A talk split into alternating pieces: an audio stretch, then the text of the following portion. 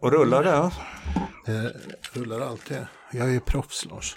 Lillmarit har varit gäst här förut. Vi har alltså Lillmarit Bugge, Anna-Lena Brundin. Kan inte jag få hälsa Anna-Lena välkommen? Ja, tack så mycket. Eller hur? Visst, Trevligt att vara det här. krävs också Ja. lite grann artighet Ja, Lars. ja, du är bättre än mig på det.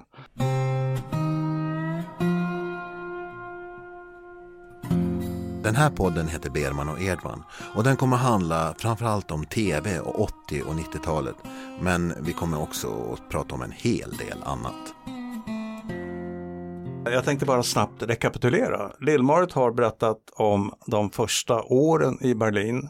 Mm. Hon berättade också om hur, nu tittar jag på Anna-Lena, och hur ni träffades första gången och hur ni fick igång samarbetet och eh, fram till och med eh, Daily Live när det skulle, vi är inne på redaktionsarbetet och när vi satt på A1 och sådär.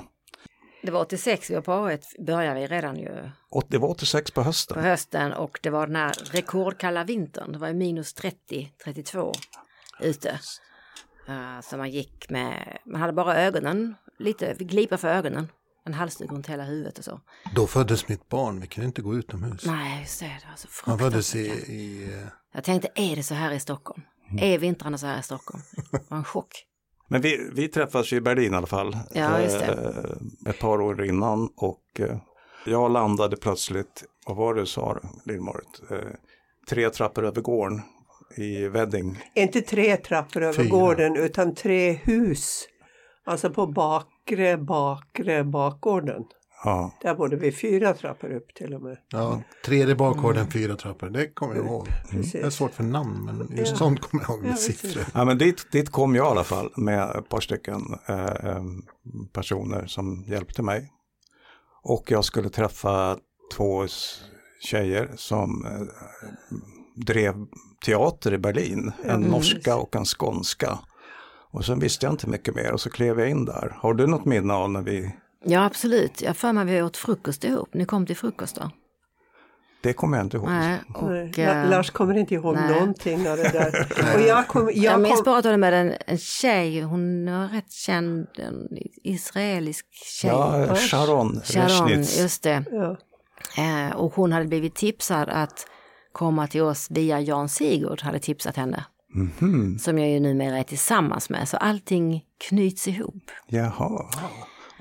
Det blev ju inte så mycket gjort eh, första gången vi träffades utan vi kom ju fram till att ni skulle iväg på turné. Mm. ja. Till Hamburg va? Yes. Nej, vi skulle ut på en sex veckors turné. Det var ju Johan som var tekniker. Ja. Du var ihop med honom då.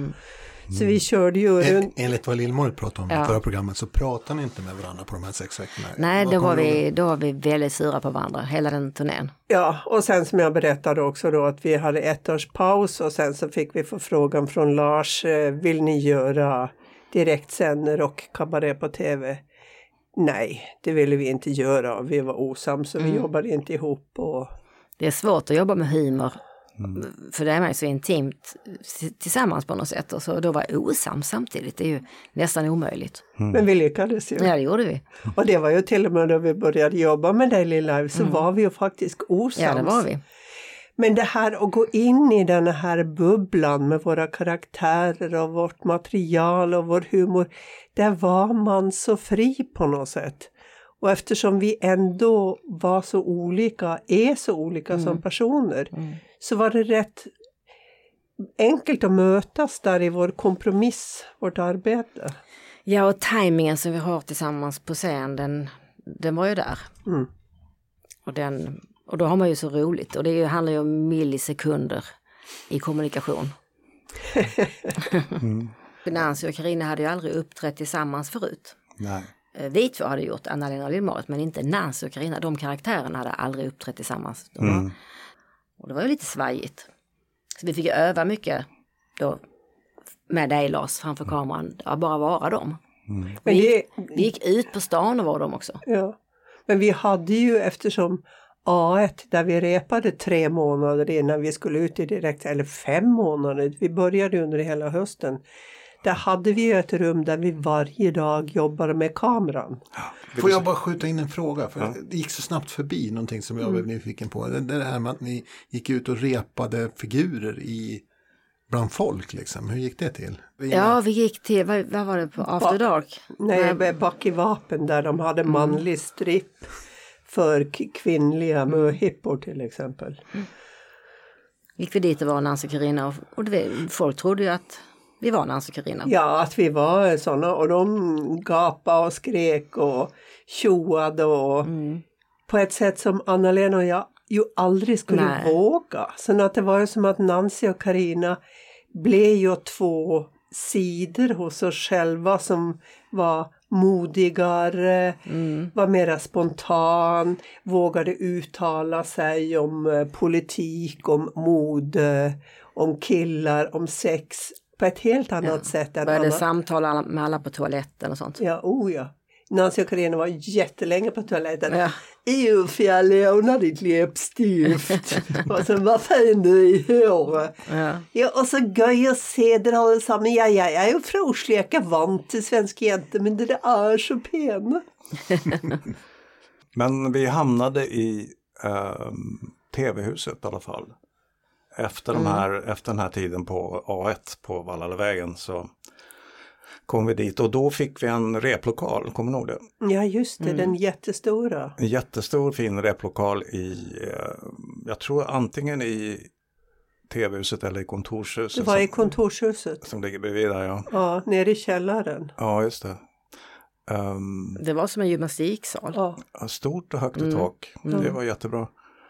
Och där repar vi alla nummer, eller många nummer och mycket dans och, och sådär, eller hur? mycket meme, Mycket meme, ja. bland annat. Och Sven Wollter var ju där mycket med oss och repa. Mhm. till exempel. Eh, Mikael Segerström var väl också där med oss. Och det, Brorsan. Ja, just det. Karinas brorsa. Men sen fick vi eh, redaktionslokal, tror jag, i kontorshuset. Eller hur? Vi- Vi hamnade där uppe. Ja, just det. Ja, vi hade liksom skärmar. Satt inskärmade bakom skärmar. Ja. Såg ögon som tittade på oss över skärmarna så här. Var vi i Pirayahavet alltså? Ja, så, och man fick prata tyst. För Ja. att man pratade i telefon för att inte den andra redaktionen skulle höra. Ja, Allting var så hemligt. ja just det. Och det var jättejobbigt. Mm. Ja, sen kom vi då till själva premiärdagen. Jag minns ingenting från eh, dagarna. Vi hade väldiga blåmärken redan då. Vi hade ju korta kjolar och så hade vi övat. För vår premiär skulle vara att vi ramlade ner för en trappa. Mm. Det första vi skulle göra var en till när "Ah, Honey Pie, den låten. Sugar pie, honey pie. Mm. Vi tränade ju med den här stuntmannen. Mm. Danne. Ja, ja, ja. ja. Ja, just det. Det hela skulle börja med att ni gör entré i den här stora trappan inne på Daily News. ja. Mm. Och så ramlar ni. Betongtrappa, så den var jättehård. Det gick väl sådär va, själva... Det såg inte så bra ut. Nej, jag tror att ni gjorde det bättre på repen, men ni har Ja. gjort illa er. Ja, vi har så enorma blåmärken på låren. Men grejen är att man ser ju tydligt att vi rullar ner för trappan. Ja, Så det är ju ingen tvekan om att vi, det är inte så att man stoppar och det Ja, det var ju direktsändning så vi kunde inte stanna upp. Utan vi rullade ju, men vi rullade väldigt mjukt och fint. Vi Ja. rullade ju inte sådär, vi följde ju inte handlöst Nej, som var precis. meningen. nej, precis. Vi var lite fega, fegramlade. Ja. Ja, första programmet, ja första programmet är ju ofta lite shaky sådär. Jag har en känsla av, eller jag kommer ihåg att det var lite, att vi var lite skraja när vi gjorde det. Och så hade vi med oss en hund, brorsan. Ja, En stor lurvig jycke som vi skulle vara med hela tiden egentligen. Men han blev så stirrig av alla kameror och allt. Han kände stämningen. Och skällde hela tiden. Så det var jättejobbigt att hålla ordning på honom. Ja, Så- därför vi ville liksom ha med lite sådär, vi ville ha en hund och vi ville att Nancy och Carina skulle fisa och hur skulle vi, vi snackade jättemycket om hur ska vi få dem att fisa, kan man sätta någon mick på sådär insidan, insidan av låret, Eh, kan man käka massa kol innan? Nej, tyckte du man kan ju ha ljudeffekter, man behöver ju inte vara sådär. eh. Men, men det var en idé som vi eh, skippade tror jag. Ja, vi, Carina fiser någon gång i alla fall, men det var en ljudeffekt. Mhm. Och så säger du tjoflöjt. Vi fråga, eh, Lars, alltså, var han bildproducent? Fanns han i era lurar? Stod han på golvet? Var- nej, var- han eh, satt utanför i buss. Och eh, så var det ju Christer B. Päimo som var studioman. Just det, Kvist. Ja, precis. Han, Och, och så hade vi ju Nikola som, som eh, rådde artisterna. Nikola Söderlund. Men eh, Efter trapporna, vad, vad hände sen? Ja, det var ju själva, varje program började ju med en eh, eh, inledning, ett intro, vad var det vi kallade det för? Dudum, Ett dum, anslag. anslag heter det. Vi hade alltid ett anslag som var 30 sekunder. Sen kom själva vignetten. Och det betyder att då har vinje- eh, hade vi 30 sekunder på oss att byta om från de här eh, gulddräkterna, byxdresserna som vi hade på oss till de här eh, bhna och underkjolarna som Johan Hagelbäck hade tecknat oss i på själva vignetten. Så att så kom vi ut i dem rullande på kontorsstolar. Och det var ju då också man ser på bilder efteråt att vi lår och rumpa och armar är full av jättestora blåmärken. Mörklila. Men ibland kunde det ju vara så att det var anslag, det var vignett och sen så började något band. Mm. Så början efter vignetten kunde vara lite olika från gång till gång. Jag kommer ihåg program ett eh, av Daily Live hade vi som gäster Kristin McVie. Nej, eh, Mary, Mar, Maria McKay. Maria McVie. Maria Makia. Ja, Hon precis. slog micken i golvet. Mm. Och hon var väl rätt eh, cool med er som karaktärer. Ja. För jag har för mig att andra svenska gäng som dök upp där i början, de var lite, eh, de kunde inte greppa er tror jag riktigt. I och med att ni spelade eh, karaktärer. Precis. Nej, alltså det var lite olika. De här engelska banden fattade ju ingenting. Eh, men sen var det ju många utav de svenska som var trevliga. Eh, Vad hette de? Transdance. Transdance, ja. Just. underbara killar. De tyckte ju det var, att vi var jätteroliga, fattade verkligen det här med grejen. Alla skådespelare tyckte ju det var jätteroligt att vi var spelade. Men det var framförallt de här engelska musikerna var väldigt störda. Över att de tyckte vi var fjantiga. Och de var ju huvudpersonen. Det var liksom deras eh, scen. Vilket gjorde till att de ibland så var ju musik, musiken lite för, för långt och då fick ju vi besked via Christer Päimo att ni måste korta 20 sekunder. Och medan vi då hade så oerhört stressigt, vi skulle byta peruker, kläder och stå i pannrummet. Det var också så, vi kunde ju inte stå rakt upp så vi stod ju böjda med ljudtekniker, med sminköser, med påklädare. Plus att det var artistloge, Fläskkvartetten satt där i någon soffa och drack öl. Så det var supertrångt och de här pa- pannrören som hängde där. Så... Ja, vad var det jag skulle säga om det? Nej. Att, att engelska band inte riktigt Men de fixar. försökte ofta då skämta, vara roliga och ironiska och sådär. Men det lyckas de ju aldrig med. För det, Nej. går, det går inte att vara det mot Nancy och Carina. Nej, men just det, men det var det som var grejen. Medan allt det här skedde i pannrummet så skulle du och jag samtidigt korta ner våra texter. Just det. Många trodde ju att det var att vi improviserade. Men det gjorde vi ju inte. Det här var ju på sekunden varje liten adbo.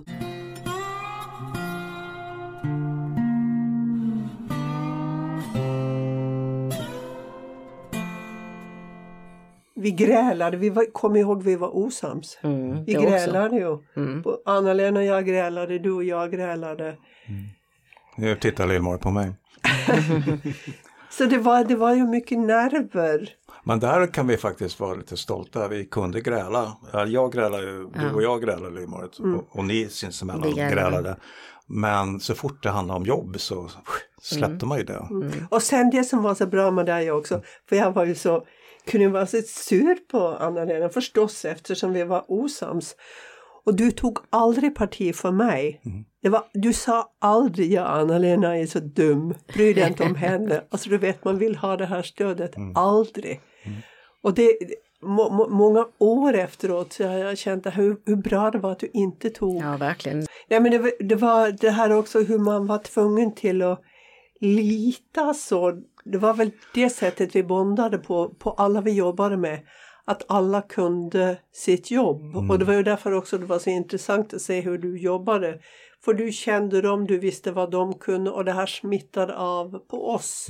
Och du sa alltid, är det någonting som ni är missnöjda med eller undrar över, prata med mig. Prata aldrig direkt med eh, teknisk personal eller ljus eller... Mm. Ja, men det, det, jag hade nämligen gjort en massa misstag tidigare under åren. Att, att, eh, att det flöt runt lite grann. Så att en, en artist framför kameran plötsligt hade pratat med en ljudkille eller med ljus eller något sånt. Och kommit överens om någonting som inte jag var medveten om. Mm, just det, det är framförallt det. Då tappar man kontrollen. Ja. Yes.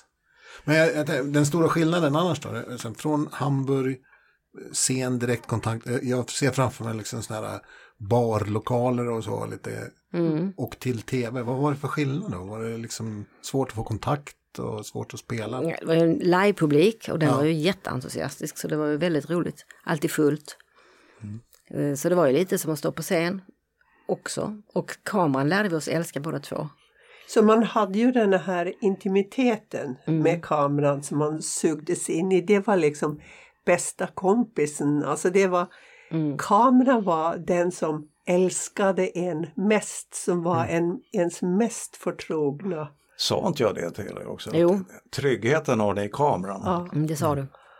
Redan på A1. Att det är redan den. Alltså, är det någon ni aldrig ska bli ovän med så är det kameran. Nej, det. det, och det var ju verkligen det du tränade med oss. Så om man var lite nervös inför publiken och hela den här jättestora apparaten så kunde man alltid titta in i kameran. Jag, eh, jag har en kompis som är skådis som har beskrivit det där lite grann för mig. Som jag sedan har använt mig av också. När man står och pratar med en publik så ser man ju ögonkontakt med dem som verkar gilla det jag gör. De andra släpper man liksom. Just det. Och innan man har fått kontakten då kunde ni ta kameran. Vet du vad, han, vet vad han brukar göra? Han brukar se så här. Där sitter min mamma och hon älskar mig. Och så satt han med sin mamma liksom mellan två andra. Ja, ja. Och så började han med den ögonkontakten. Men var det så kameran var för er också? En, Ja, Det var en person, ja. Punkt. Alltså en trygg punkt. Och det var in- inte någon person som finns, utan kameran var kameran, men det var som en person. Mm. Um, verkligen. Och då fick vi de där eh, blinkningarna på något sätt. Man kunde se att ni tittade in i kameran, ett höjt ögonbryn och så. Alla de här detaljerna Ja. blir så starka då om ni verkligen har en relation till kameran. Mm. Att det är som en person. Och det var ju därför det var viktigt att alltid ha sitt tvåbild. Mm.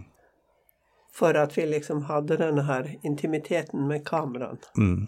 Ja. Men första programmet, blev det succé direkt? För jag tänker också så här, ni, ni blev ju liksom direkt eh, jättebra i, i bild och i tv. Det händer ju så här. va? Det var ju Nej. jobbiga recensioner. Det var ju att det första var inget, Nej. inte så värst bra. Programmet var väl jättebra. Utan det var ju programmet- folk inte förstod. Ja, ja precis. Men Och vi det fick var- ju, vi, det var ju några recensenter som är ofta pratar, vi pratade om den här killen uppe i Gävle, var det inte det någon? I Göteborg och Ja. i Gävle och på Gotland. Och Ja, de var ju rent Skåne eh, och- hatiska. Ja, Bara det var hat. Räknar upp folk som man inte behöver bry sig om. jag. ja, nej, flera av dem är ju döda nu. Det var sånt hat så du fick ju gå på lugnande tabletter. Ja, nej, jag blev ju jätte, jag blev jättedålig. Mm. Det, det var... Vi hade liksom inte i Berlin eller i Tyskland underground-teatrarna vi spelade på. Det var ju så tryggt. Vi var ju... Vi hade ju aldrig blivit bedömda eller missuppfattade. Och de här, jag menar Aftonbladet, vi fick ju ett helt uppslag med rubriken Jag lät mig då, jag låter mig inte provoceras. Ja, en halv sida i alla fall. Nej, det var ett, det var ett uppslag, det var två sidor. Jag har ju sparat artikeln, jag har ju allting i pärmar. Men tänk vad konstigt det kan vara eftersom jag måste ju ha gillat Nancy och Carina från början. För jag, Men du var ju bara för liten, jag upplever det som att det var immediate success. men du var ju bara en liten pojk då. Ja, liten pojk. Jag var ju inte alls... In, jag hade nyfödd... För det var 86 där. 87. 87 ja. För då hade jag ju nyfödd bebis och hade inte börjat än. Vi hade, Nej. vi hade inte träffats då. Nej. Men alltså barn, ungdomar och eh, äldre tyckte ju om programmet direkt ifrån början. Men jag tillhör inte någon av dem. Ja, men du var ju inte 40. Nej. Du var ju kanske 25. Kan- Nej, kanske. kanske var jag 20. 30... eh, 38? 37? Är du äldre än mig? Jag är född 58. Ja, men jag är född 57. Anna-Lena är född 59. Okej, är matte, Ja, ja. matte B Det är han som är gammal bara. Nej men jag var i alla fall inte med. Men den lustiga, jag bara såg det som utifrån att, att jag såg det som en succé direkt när jag tittade tillbaks på det. Men det var inte så. så. Nej, Alltså man kan väl säga att framförallt män i 35-årsåldern och 40-årsåldern. 40-årsåldern som var upprörda. Oerhört. Men det var en journalist i Malmö som till slut skrev på Kvällsposten att jag ber om ursäkt. Olle Berggren, han skrev det. Han tog tillbaka. Jag tar tillbaka allt ont jag har skrivit. Det här är en succé. Sen Ja. att det var egentligen var det från och med program tre att recensionerna började vända. Mm.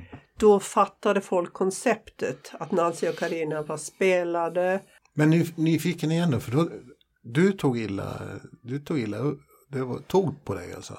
Ja, Men inte, inte så lika mycket på Lars. Och, Eh, Och Anna-Lena, jo, eller? alltså det var ju bara att gå och handla och stå i kassan och folk tittar på en. Det var ju lite pinsamt. ja. Man känner sig uttittad. Var det efter första? ja, just det. Ja. vad Men jag, jag behövde inte gå på lugnande tabletter. Behövde jag inte, men som du. Du har mindre, lite skörare nerver än jag. men för mig var det så Anna-Lena, ja vi fattar ju inte riktigt vad vi gav oss in på. Det är det ju ingen som fattar. Alltså när man börjar med TV. Det var liksom två kanaler på den tiden. Vad är det för ljud? vi får nog vänta tills man... Jag vet faktiskt inte. Det finns en motorcykelklubb här. Men det här låter mer som ett flygplan eller något. Det är inte någon Ska sån vi- terror. Ska vi vänta? Nej, det är inget. Uff, det är ju liksom riskläge fyra. Ja, men det... Vi lå- vi låter dem bullra klart. Så börjar vi så tar vi om hela biten med eh, vad som hände efter första. Vad läskigt.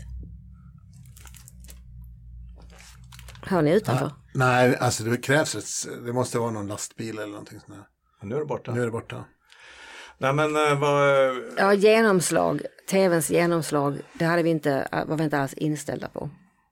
Nej, och inte bara det att man skulle bli igenkänd. Men en sak som jag ju aldrig glömmer.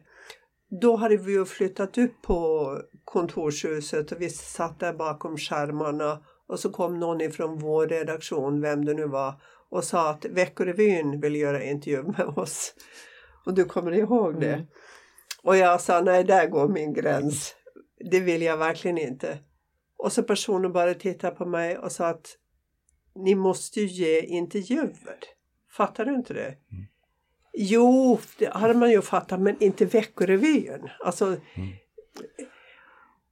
Och personen sa att ja men det här fattar du inte vad det innebär att vara på TV? Alltså ni måste ju ge intervjuer, ni måste vara med i andra program, ni måste...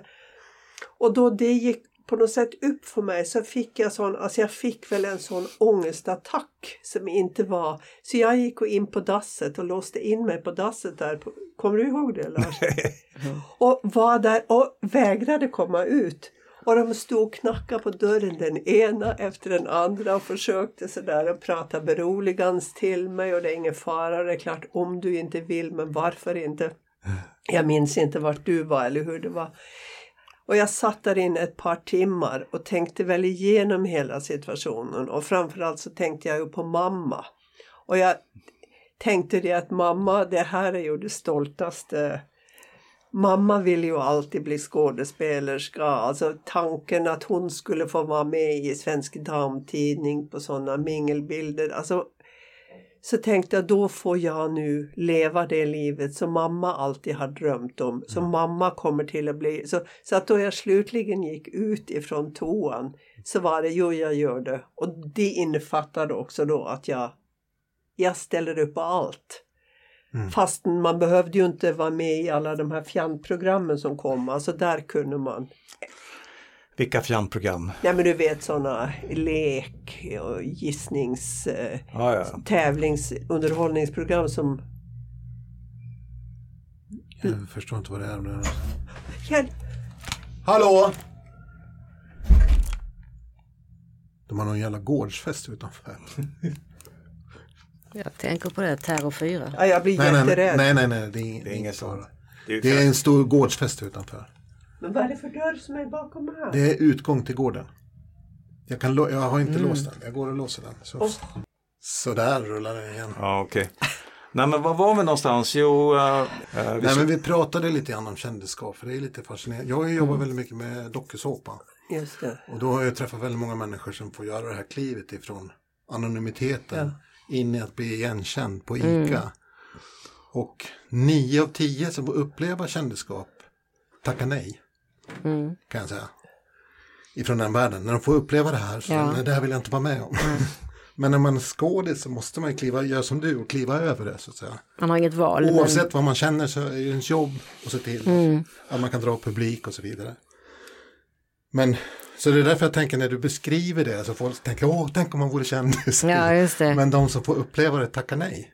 Men det är väldigt skönt att det inte var, alltså som nu Mm. är jag ju fortfarande kändis för att jag har gjort så mycket stand-up comedy och sådär. Mm. Men jag, har, eh, jag, ligger, jag lever väldigt mycket under radarn och gör ändå gig. Ehm, Men det är inte ICA-affären. nej, just det. Men alltså, det, det var så skönt att vara lite lagom känd. Mm. Ehm, men då, Men då kunde man inte ju- välja det när man gjorde någonting på... För, nej, då var det ju väldigt, var eh, två kanaler som sagt och eh, var jättegenomslag. Så att, och då minns jag, man åkte utomlands, man var i Paris som jag ofta var i. Och så man hamnade vid, vid, ett bord där det satt några svenskar som kände igen en, så var kvällen förstörd. Mm. Var det så är så? det ju inte idag. Mm. Var, upplevde du obehagliga eller var de bara trevliga och ville Nej, snacka? de var jättetrevliga, men man kände sig, de satt och kollade hela tiden. De, man, nej, man kunde inte bara vara sig själv. Det var väl det också att vi var så pass kontroversiella som de här eh, figurerna vi spelar. Det är som väldigt skillnad på att eh, vara kändis och bli igenkänd. För jag är ju också så fortfarande att jag kan bli igenkänd men jag är ingen kändis längre. Nej. Och, och det för att jag mådde ju väldigt dåligt av det under flera år. Alltså det blev för mycket. Mm. Det blev... Och det att eh, så småningom efter Daily Live och hur det blev, vi skulle ut på turné med Nancy och Carina, The Heavy Boys och... Mm. Jag blev ju sjuk och jag var ju sjuk i tio år i scenskräck och... Nej men, så, ja, men du är en offentlig person, du måste ju sminka dig innan du går ut sånt där liksom. Jo, men jag menar det. Jättejobbigt. Nej, jag vill kunna gå ut bara i pyjamas direkt ur sängen och handla frallor. Ja. Men idag är det ju också naturligtvis enklare för att idag är det hur många tv-kanaler som helst. Hur många kändisar eller kända personer eller... Jag menar idag kan ju alla bli sin egen kändis genom sociala medier.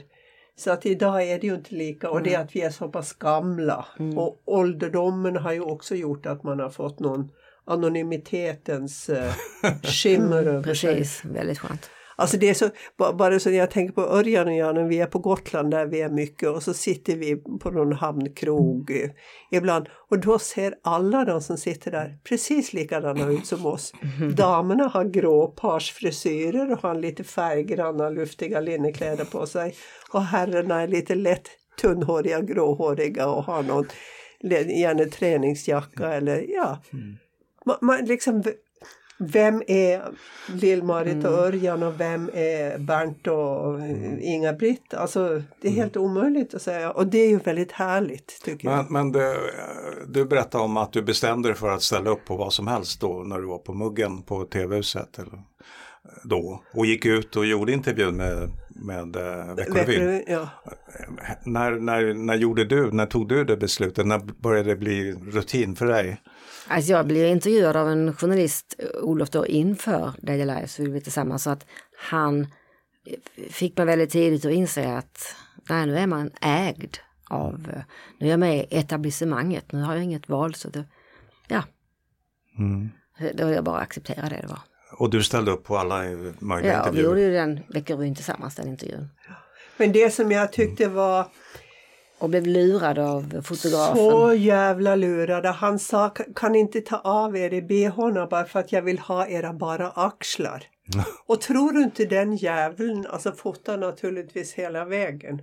Och de bilderna hamnar till och med på framsidan av eh, Veckorevyn. Mm. Sen gick min man in i arkivet, nu, han, finns han inte längre så då kan jag avslöja det. Och stal dem, Okej, originalen. det var ju bra. Mm. Det var ju skitbra. Mm. Eh, Vad, vad, vadå, gick eh, han- din dåvarande Som jobbade på Aftonbladet, han gick in i något arkiv där och stal. på, Ja, veck, på de- Veckorevyn? Ja, just det. Ja, det var ju Veckorevyn, men det var, det var ju han från Aftonbladet som hade tagit bilden. Urban. Men oavsett, Just de det. hade väl samma arkiv. Ja, Ja, något. Han stal dem i alla fall. Ja, coolt. Det är ju en deckare bara det. Ja. Mm. Nej, så det, det var ju det som var roligt att man lit, kunde inte lita på journalisterna och fotograferna. Ehm, så småningom så lärde man sig ju att man skulle läsa igenom allting innan. Men det var ju också väldigt jobbigt där i början. Vi blev intervjuade jättemycket och ska man då sitta och läsa igenom allt och kolla igenom varenda bild. Mm. Och det fattar ju inte vi ändå. Nej, det tänker jag. Och var, var ju också ganska ointresserade av media på något sätt.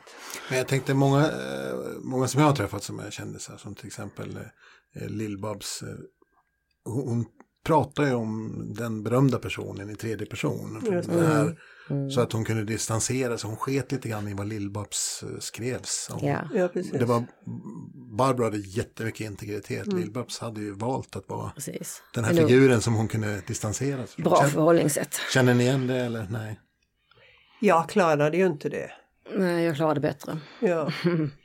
Alltså det, Fick du hjälp då? utav- nej, jag bara, jag vet inte, jag har väl alltid varit så, jag vet inte om det är något i min skånska fostran eller så, men jag tar mig inte på så stort allvar. Alltså, nu menar jag inte att du, men du gör lite sådär, man är en liten skit i universum. Jag menar, det finns så många människor. Man är, man gör sitt bästa bara och sen om någon säger någonting eller skriver någonting så. Men om de, om de skulle på privat, privat anledning, då ska det vara en annan grej. Om sa att ja, hon, är- hon är en lögnerska eller sånt där, det hade inte varit kul. Alltså du, det, vi sitter ju och håller på att jobba med texter nu till en kommande julshow. Och just den här texten, det här om att vara cool. Alltså du är ju cool. Och jag typ har ju, ser ju eller såg ju cool ut. Men jag var ju verkligen inte cool. Jag har ju alltid varit supernervig. Stirriga. Ja, väldigt stirrig. Så jag hade aldrig kunnat vara... Alltså jag har ju alltid beundrat Lill-Babs. Alltså alla de som klarar att vara sina karaktärer perfekt. Men, men jag... Så jag kan förstå att eh, Kikki Danielsson har tagit illa vid sig av skriverier om henne för det har gått på hennes privata Kikki Danielsson. Liksom. Men samtidigt så har ju hon hjälpt till att ändå sälja paketet Kikki Danielsson. Mm. Och eh, skapat en figur utav Jag det. lyssnade på henne bara här i månaden när hon var i sitt esse, var i USA. Jädrar vilken pipa! Ja, ja. Och det, det talas inte om liksom. Det, det var Nej. inte Kikki Danielsson och det, det. Men gud vad hon sjöng bra alltså. Ja, det är rätt häftigt som eh, vi Ja. som har jobbat med musiker. Ja. Som, som har fått vara nära folk som Mm. verkligen... Eh, har du varit nära Carola när hon sjunger? Eh, nej, inte när hon sjunger, men backstage. Det är nära ja. Mm. Carola. Det är, Du har varit i ett rum. Jag har ju stått, eh, Ja. jobbat som kameraman. Då står man kanske på två meters avstånd ifrån Mm. någon som sjunger så här fantastiskt. Det, det får håret ja, att resa visst, sig. visst. Mm. Men, Men men, Kikki har jag inte hört. Nej, Det skulle, nej, jag, jag skulle, otrolig styrka.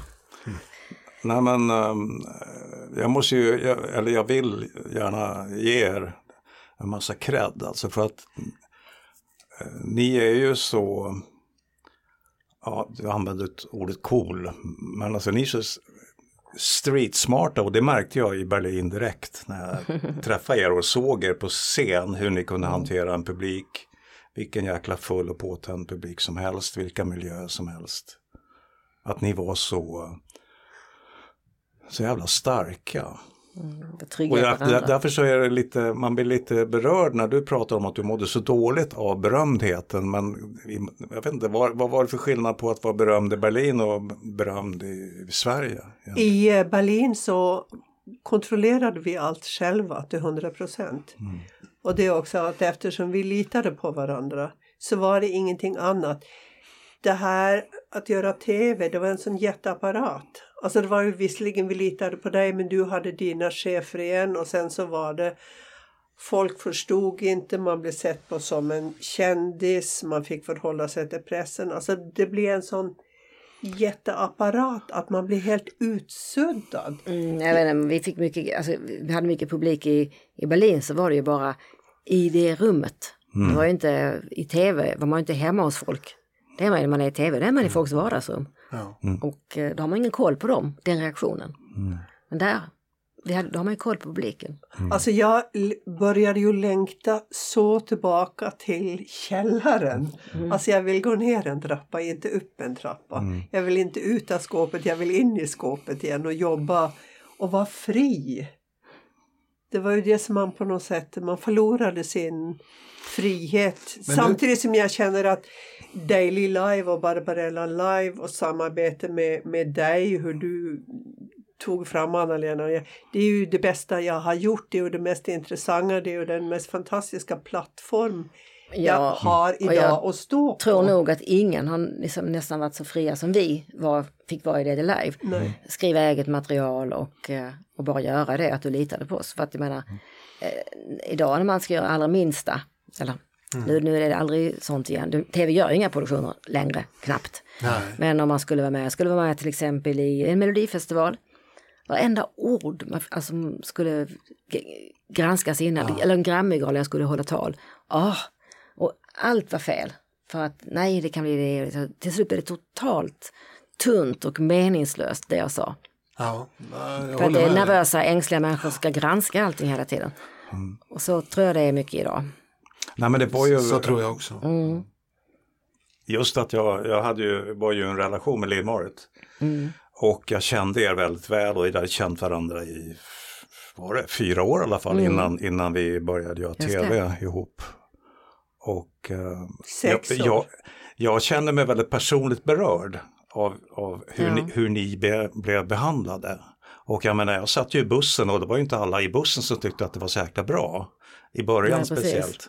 Och tog väldigt illa vid mig och sa ingenting om det. Nej. Möjligtvis jag sa håll tyst, håll tyst annars kan vi inte koncentrera oss. Men eh, så att jag, jag försökte ju skapa en bubbla kring er. Som ni skulle kunna vara trygga i att kunna vara som ni skulle vara i Berlin. Om man förstår att man flyttar, flyttar in ett rum hit. Just det. Det var lite det jag försökte i alla fall. Men du lyckades ju, jag vet ju att alltid så fort Daily Live var över så fick ju du en VHS-kassett. Och så skyndade ju vi oss hem och du hade ju alltid bråttom att komma hem också. Man ville inte vara kvar och mingla. Så att vi var ju aldrig kvar och festade. Nej, nej. Förutom en gång då Martin Ljung var med. Just det var sista programmet. För Martin Ljung ville så gärna, han tyckte det var några fina körflickor där i något utav banden och han ville dricka gin och tonic. Och, och då sa vi eftersom det sista programmet att vi måste stanna kvar och festa. Ja. För att de arrangerade fest för oss. Gud, jag skulle vilja festa med Martin Ljung. Var det, så, Ja. var, var det kul? Ja, Ja, jättekul. han var fantastisk. Ja, han vigde ju er. Han vigde Nancy och Karina i eh, sista programmet. Faktiskt med en fantastisk monolog som var skriven av Pontus Platin. Så det var ett väldigt kul eh, samarbete. Och, och Martin Ljung han sa ju också att eh, jag viger er bara om ni avslutar med att ni hoppar på prästen och kysser honom. så att jag kan dratta omkull, Ja. välta omkull. Så vi, han var ju gammal gymnast. Så han ramlade ner på golvet och Nancy och Karina över honom i sina korta brudklänningar. Nej men för jag tänker, alltså för mig är det också så här jävla bra. Det, måste, det bra måste ju liksom ha en relief i att man går på kanten av det misslyckade. Man måste ju, Ja. för Jag tänker också på det här Saturday Night Live som vi tittar på. Med John Belushi och Dan Aykroyd. Hur många jävla misslyckade gjorde de inte? Nej, precis. För det var det som gjorde att det sen, att, de vågade göra de där. De beskrev ju också, de hade ju, eller framförallt Belushi hade ju den idén om att om det inte blev så jävla bra och han började känna det så välte han ett dekorelement och så var det slut. Nej, men jag tänker på den här ängsligheten som är i svensk tv just och svenska tv-serier. Om man jämför nu de danska som går nu, alltså som de är, eller norska, Exit och alltså, sånt där. Det, det, där är inte någon som har sagt nej det där går inte, och, nej, det är olämpligt och Nej, ja, hur ska de, nej utan det är ju härligt. Men vi har inte, vi har inte den friheten tror jag i svensk. Nej, det börjar, TV. den har börjat sina. Det, det är min uppfattning också. Jag vet inte hur många programförslag jag har skrivit till tv upp genom åren. Jag hittar ständigt något nytt. Mm. Nu hittade jag ju Ulla-Britt och Sif-Liljan show till exempel där gästartisten är Anneli Rydé Mm. som sjunger olika och där själva husbandet skulle vara Kettil och ja, något. Det ena efter det andra efter det tredje. Mm. Men ingenting går ju igenom. Inget. Nej. Och det är ju inte för att jag är dålig. Absolut inte. Eller för att mina idéer är kassa och dumma och... Utan det är... Nio av tio idéer dessutom kommer ju alltså utifrån och köps in som färdiga idéer. Man tror ofta att de här programmen liksom är... Så det, det är ju redan där så kommer man, om man ska pitcha idag, så måste man gå till ett produktionsbolag. Och produktionsbolaget har varit nere på den här festivalen i Cannes och köpt in några internationella idéer som de kan ha siffror på. Så här många tittare får ni, så här Ja. mycket reklam kan ni sälja. Bap, bap, bap, bap, bap. Mm. Så nyheter går, går ju inte hem liksom. Nej. Men det är ju därför det är så roligt ändå tycker jag att vi sitter på en sån fantastisk tv-historia tillsammans. Det är ju därför er podd, den är ju det bästa jag har hört på många år. Alltså tv-historien, old school tv. Mm. Åh, vad jag... Det kommer ju aldrig att bli sån idag naturligtvis. Men det är så roligt att vi har fått vara med Mm. och skapa tv-historia. Verkligen. Ja. Vi har ju ett projekt ihop nu. Eller jag är inblandad i någonting som ni gör nu så här under hösten. Ja, vår julshow som eh, vi spelade första gången för 37 år sedan. Mm. Som vi ska tillbaka till brottsplatsen Handen och spela på Haninge kulturhus. Så, men det blir ju en scenshow igen. Men det, den julshowen satte vi ju ihop då för 37 år sedan för att träna Nancy och Karina inför Daily Live. Mm. Men, och du kommer att följa det och dokumentera. Ja, jag, jag är med där på ett hörn och filmar lite och, Mm. lite och så. Men, men alltså jag vill med tanke på allt det, alla roliga tv-program vi har gjort själva Mm. sen. Ja men vi har, ju, vi har mycket mer att snacka om. Vi, Vi har, ju, vi har mer. Barbarella också som, Mm. jag, som jag tycker på sätt och vis är en utvecklad form av Daily Life på något sätt. Det är det ju. En helt annan typ Och av... eh, eh, fantastiska nummer med Anna-Lena kommer jag ihåg. ja, precis. Och Live-videos. live-videos och de där måste jag ju hitta alltså. För du och jag, Stefan, och körde bil till, Ja, jag tappade körkortet då. ja just det, Ska vi körde, ta- ska jag körde berätta för den? fort. Jag gör det, berätta Ja, det. till Norrköping, till Barbara Live. Ja, precis. För du, vi, vi skulle eh, åka ner till Norrköping för att redigera. Jag skulle hjälpa dig att redigera. Och sen så eh, hade vi en varsin bil. Jag tänkte vi tar bara en bil. Och så åkte vi till macken i Hallunda så ställde jag min gamla skruttiga gröna Mercedes som jag köpt av Lars. och så hoppade jag in i din nya Mercedes. Ja, Och, och flera gånger på vägen till Södertälje fick jag liksom lov, shit, för det kändes inte hur fort den gick. nej.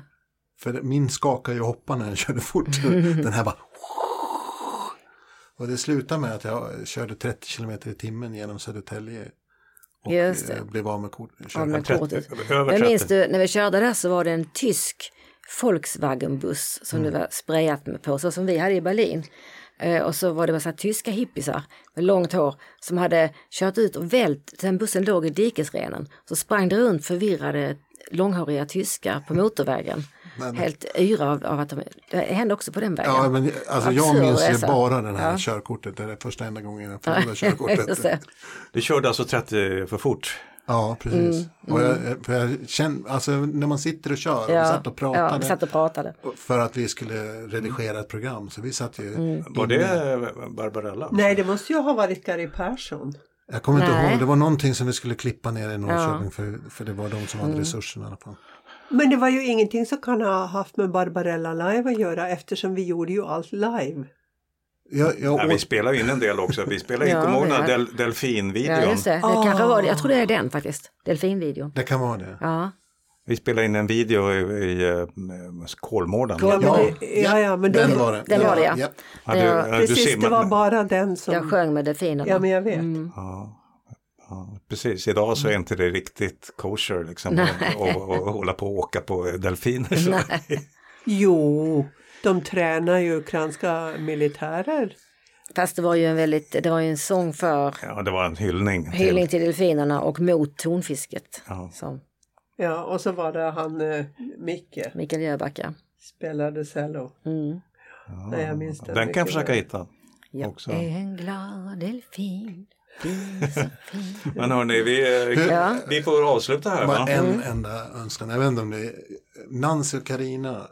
Kan ni väcka upp dem och, och typ avsluta en podd? Ja, vad ska vi säga då? då? Mm, vet, du, vet du, Carina, jag syns, vet du, jag syns Stefan är så söt. Ja, han är jättesöt. Han påminner lite om Kenneth faktiskt. Ja. När Kenneth var sina Det- bästa dagar. Kan, ni, kan, Ja. ni- kan, kan inte du spöra om han har någon käraste? Ska, ska jag fråga? Ja, ja, har du någon där hemma, Stefan, som du tar hand om? Eller? Nej, nu Jag- blir jag nu flau. rå- nu rodnar jag Nu på jag riktigt. flau. Ja, nej, men jag tror vi må gå nu, Carina. Jag tror Ja, det. men Ja. du kan ju bjuda honom på middag på sån fårikål eller något sånt. ja, det kan jag Ja. göra. Och Lars också. Ja. Så hyggliga se där, Jag kan Lars. göra pannbiffar. Ja. Ja. Vi tackar så mycket Nancy och Karina för att ni kunde komma hit och även Lill-Marit och Anna-Lena. Tusen tack. Tack. Tackar, tackar. Podden du just har lyssnat på producerades av produktionsbolaget Berman och Erdman Produktion. Musiken kommer från audionautics.com och du följer oss på Facebook där vi har en grupp, Berman och Erdman.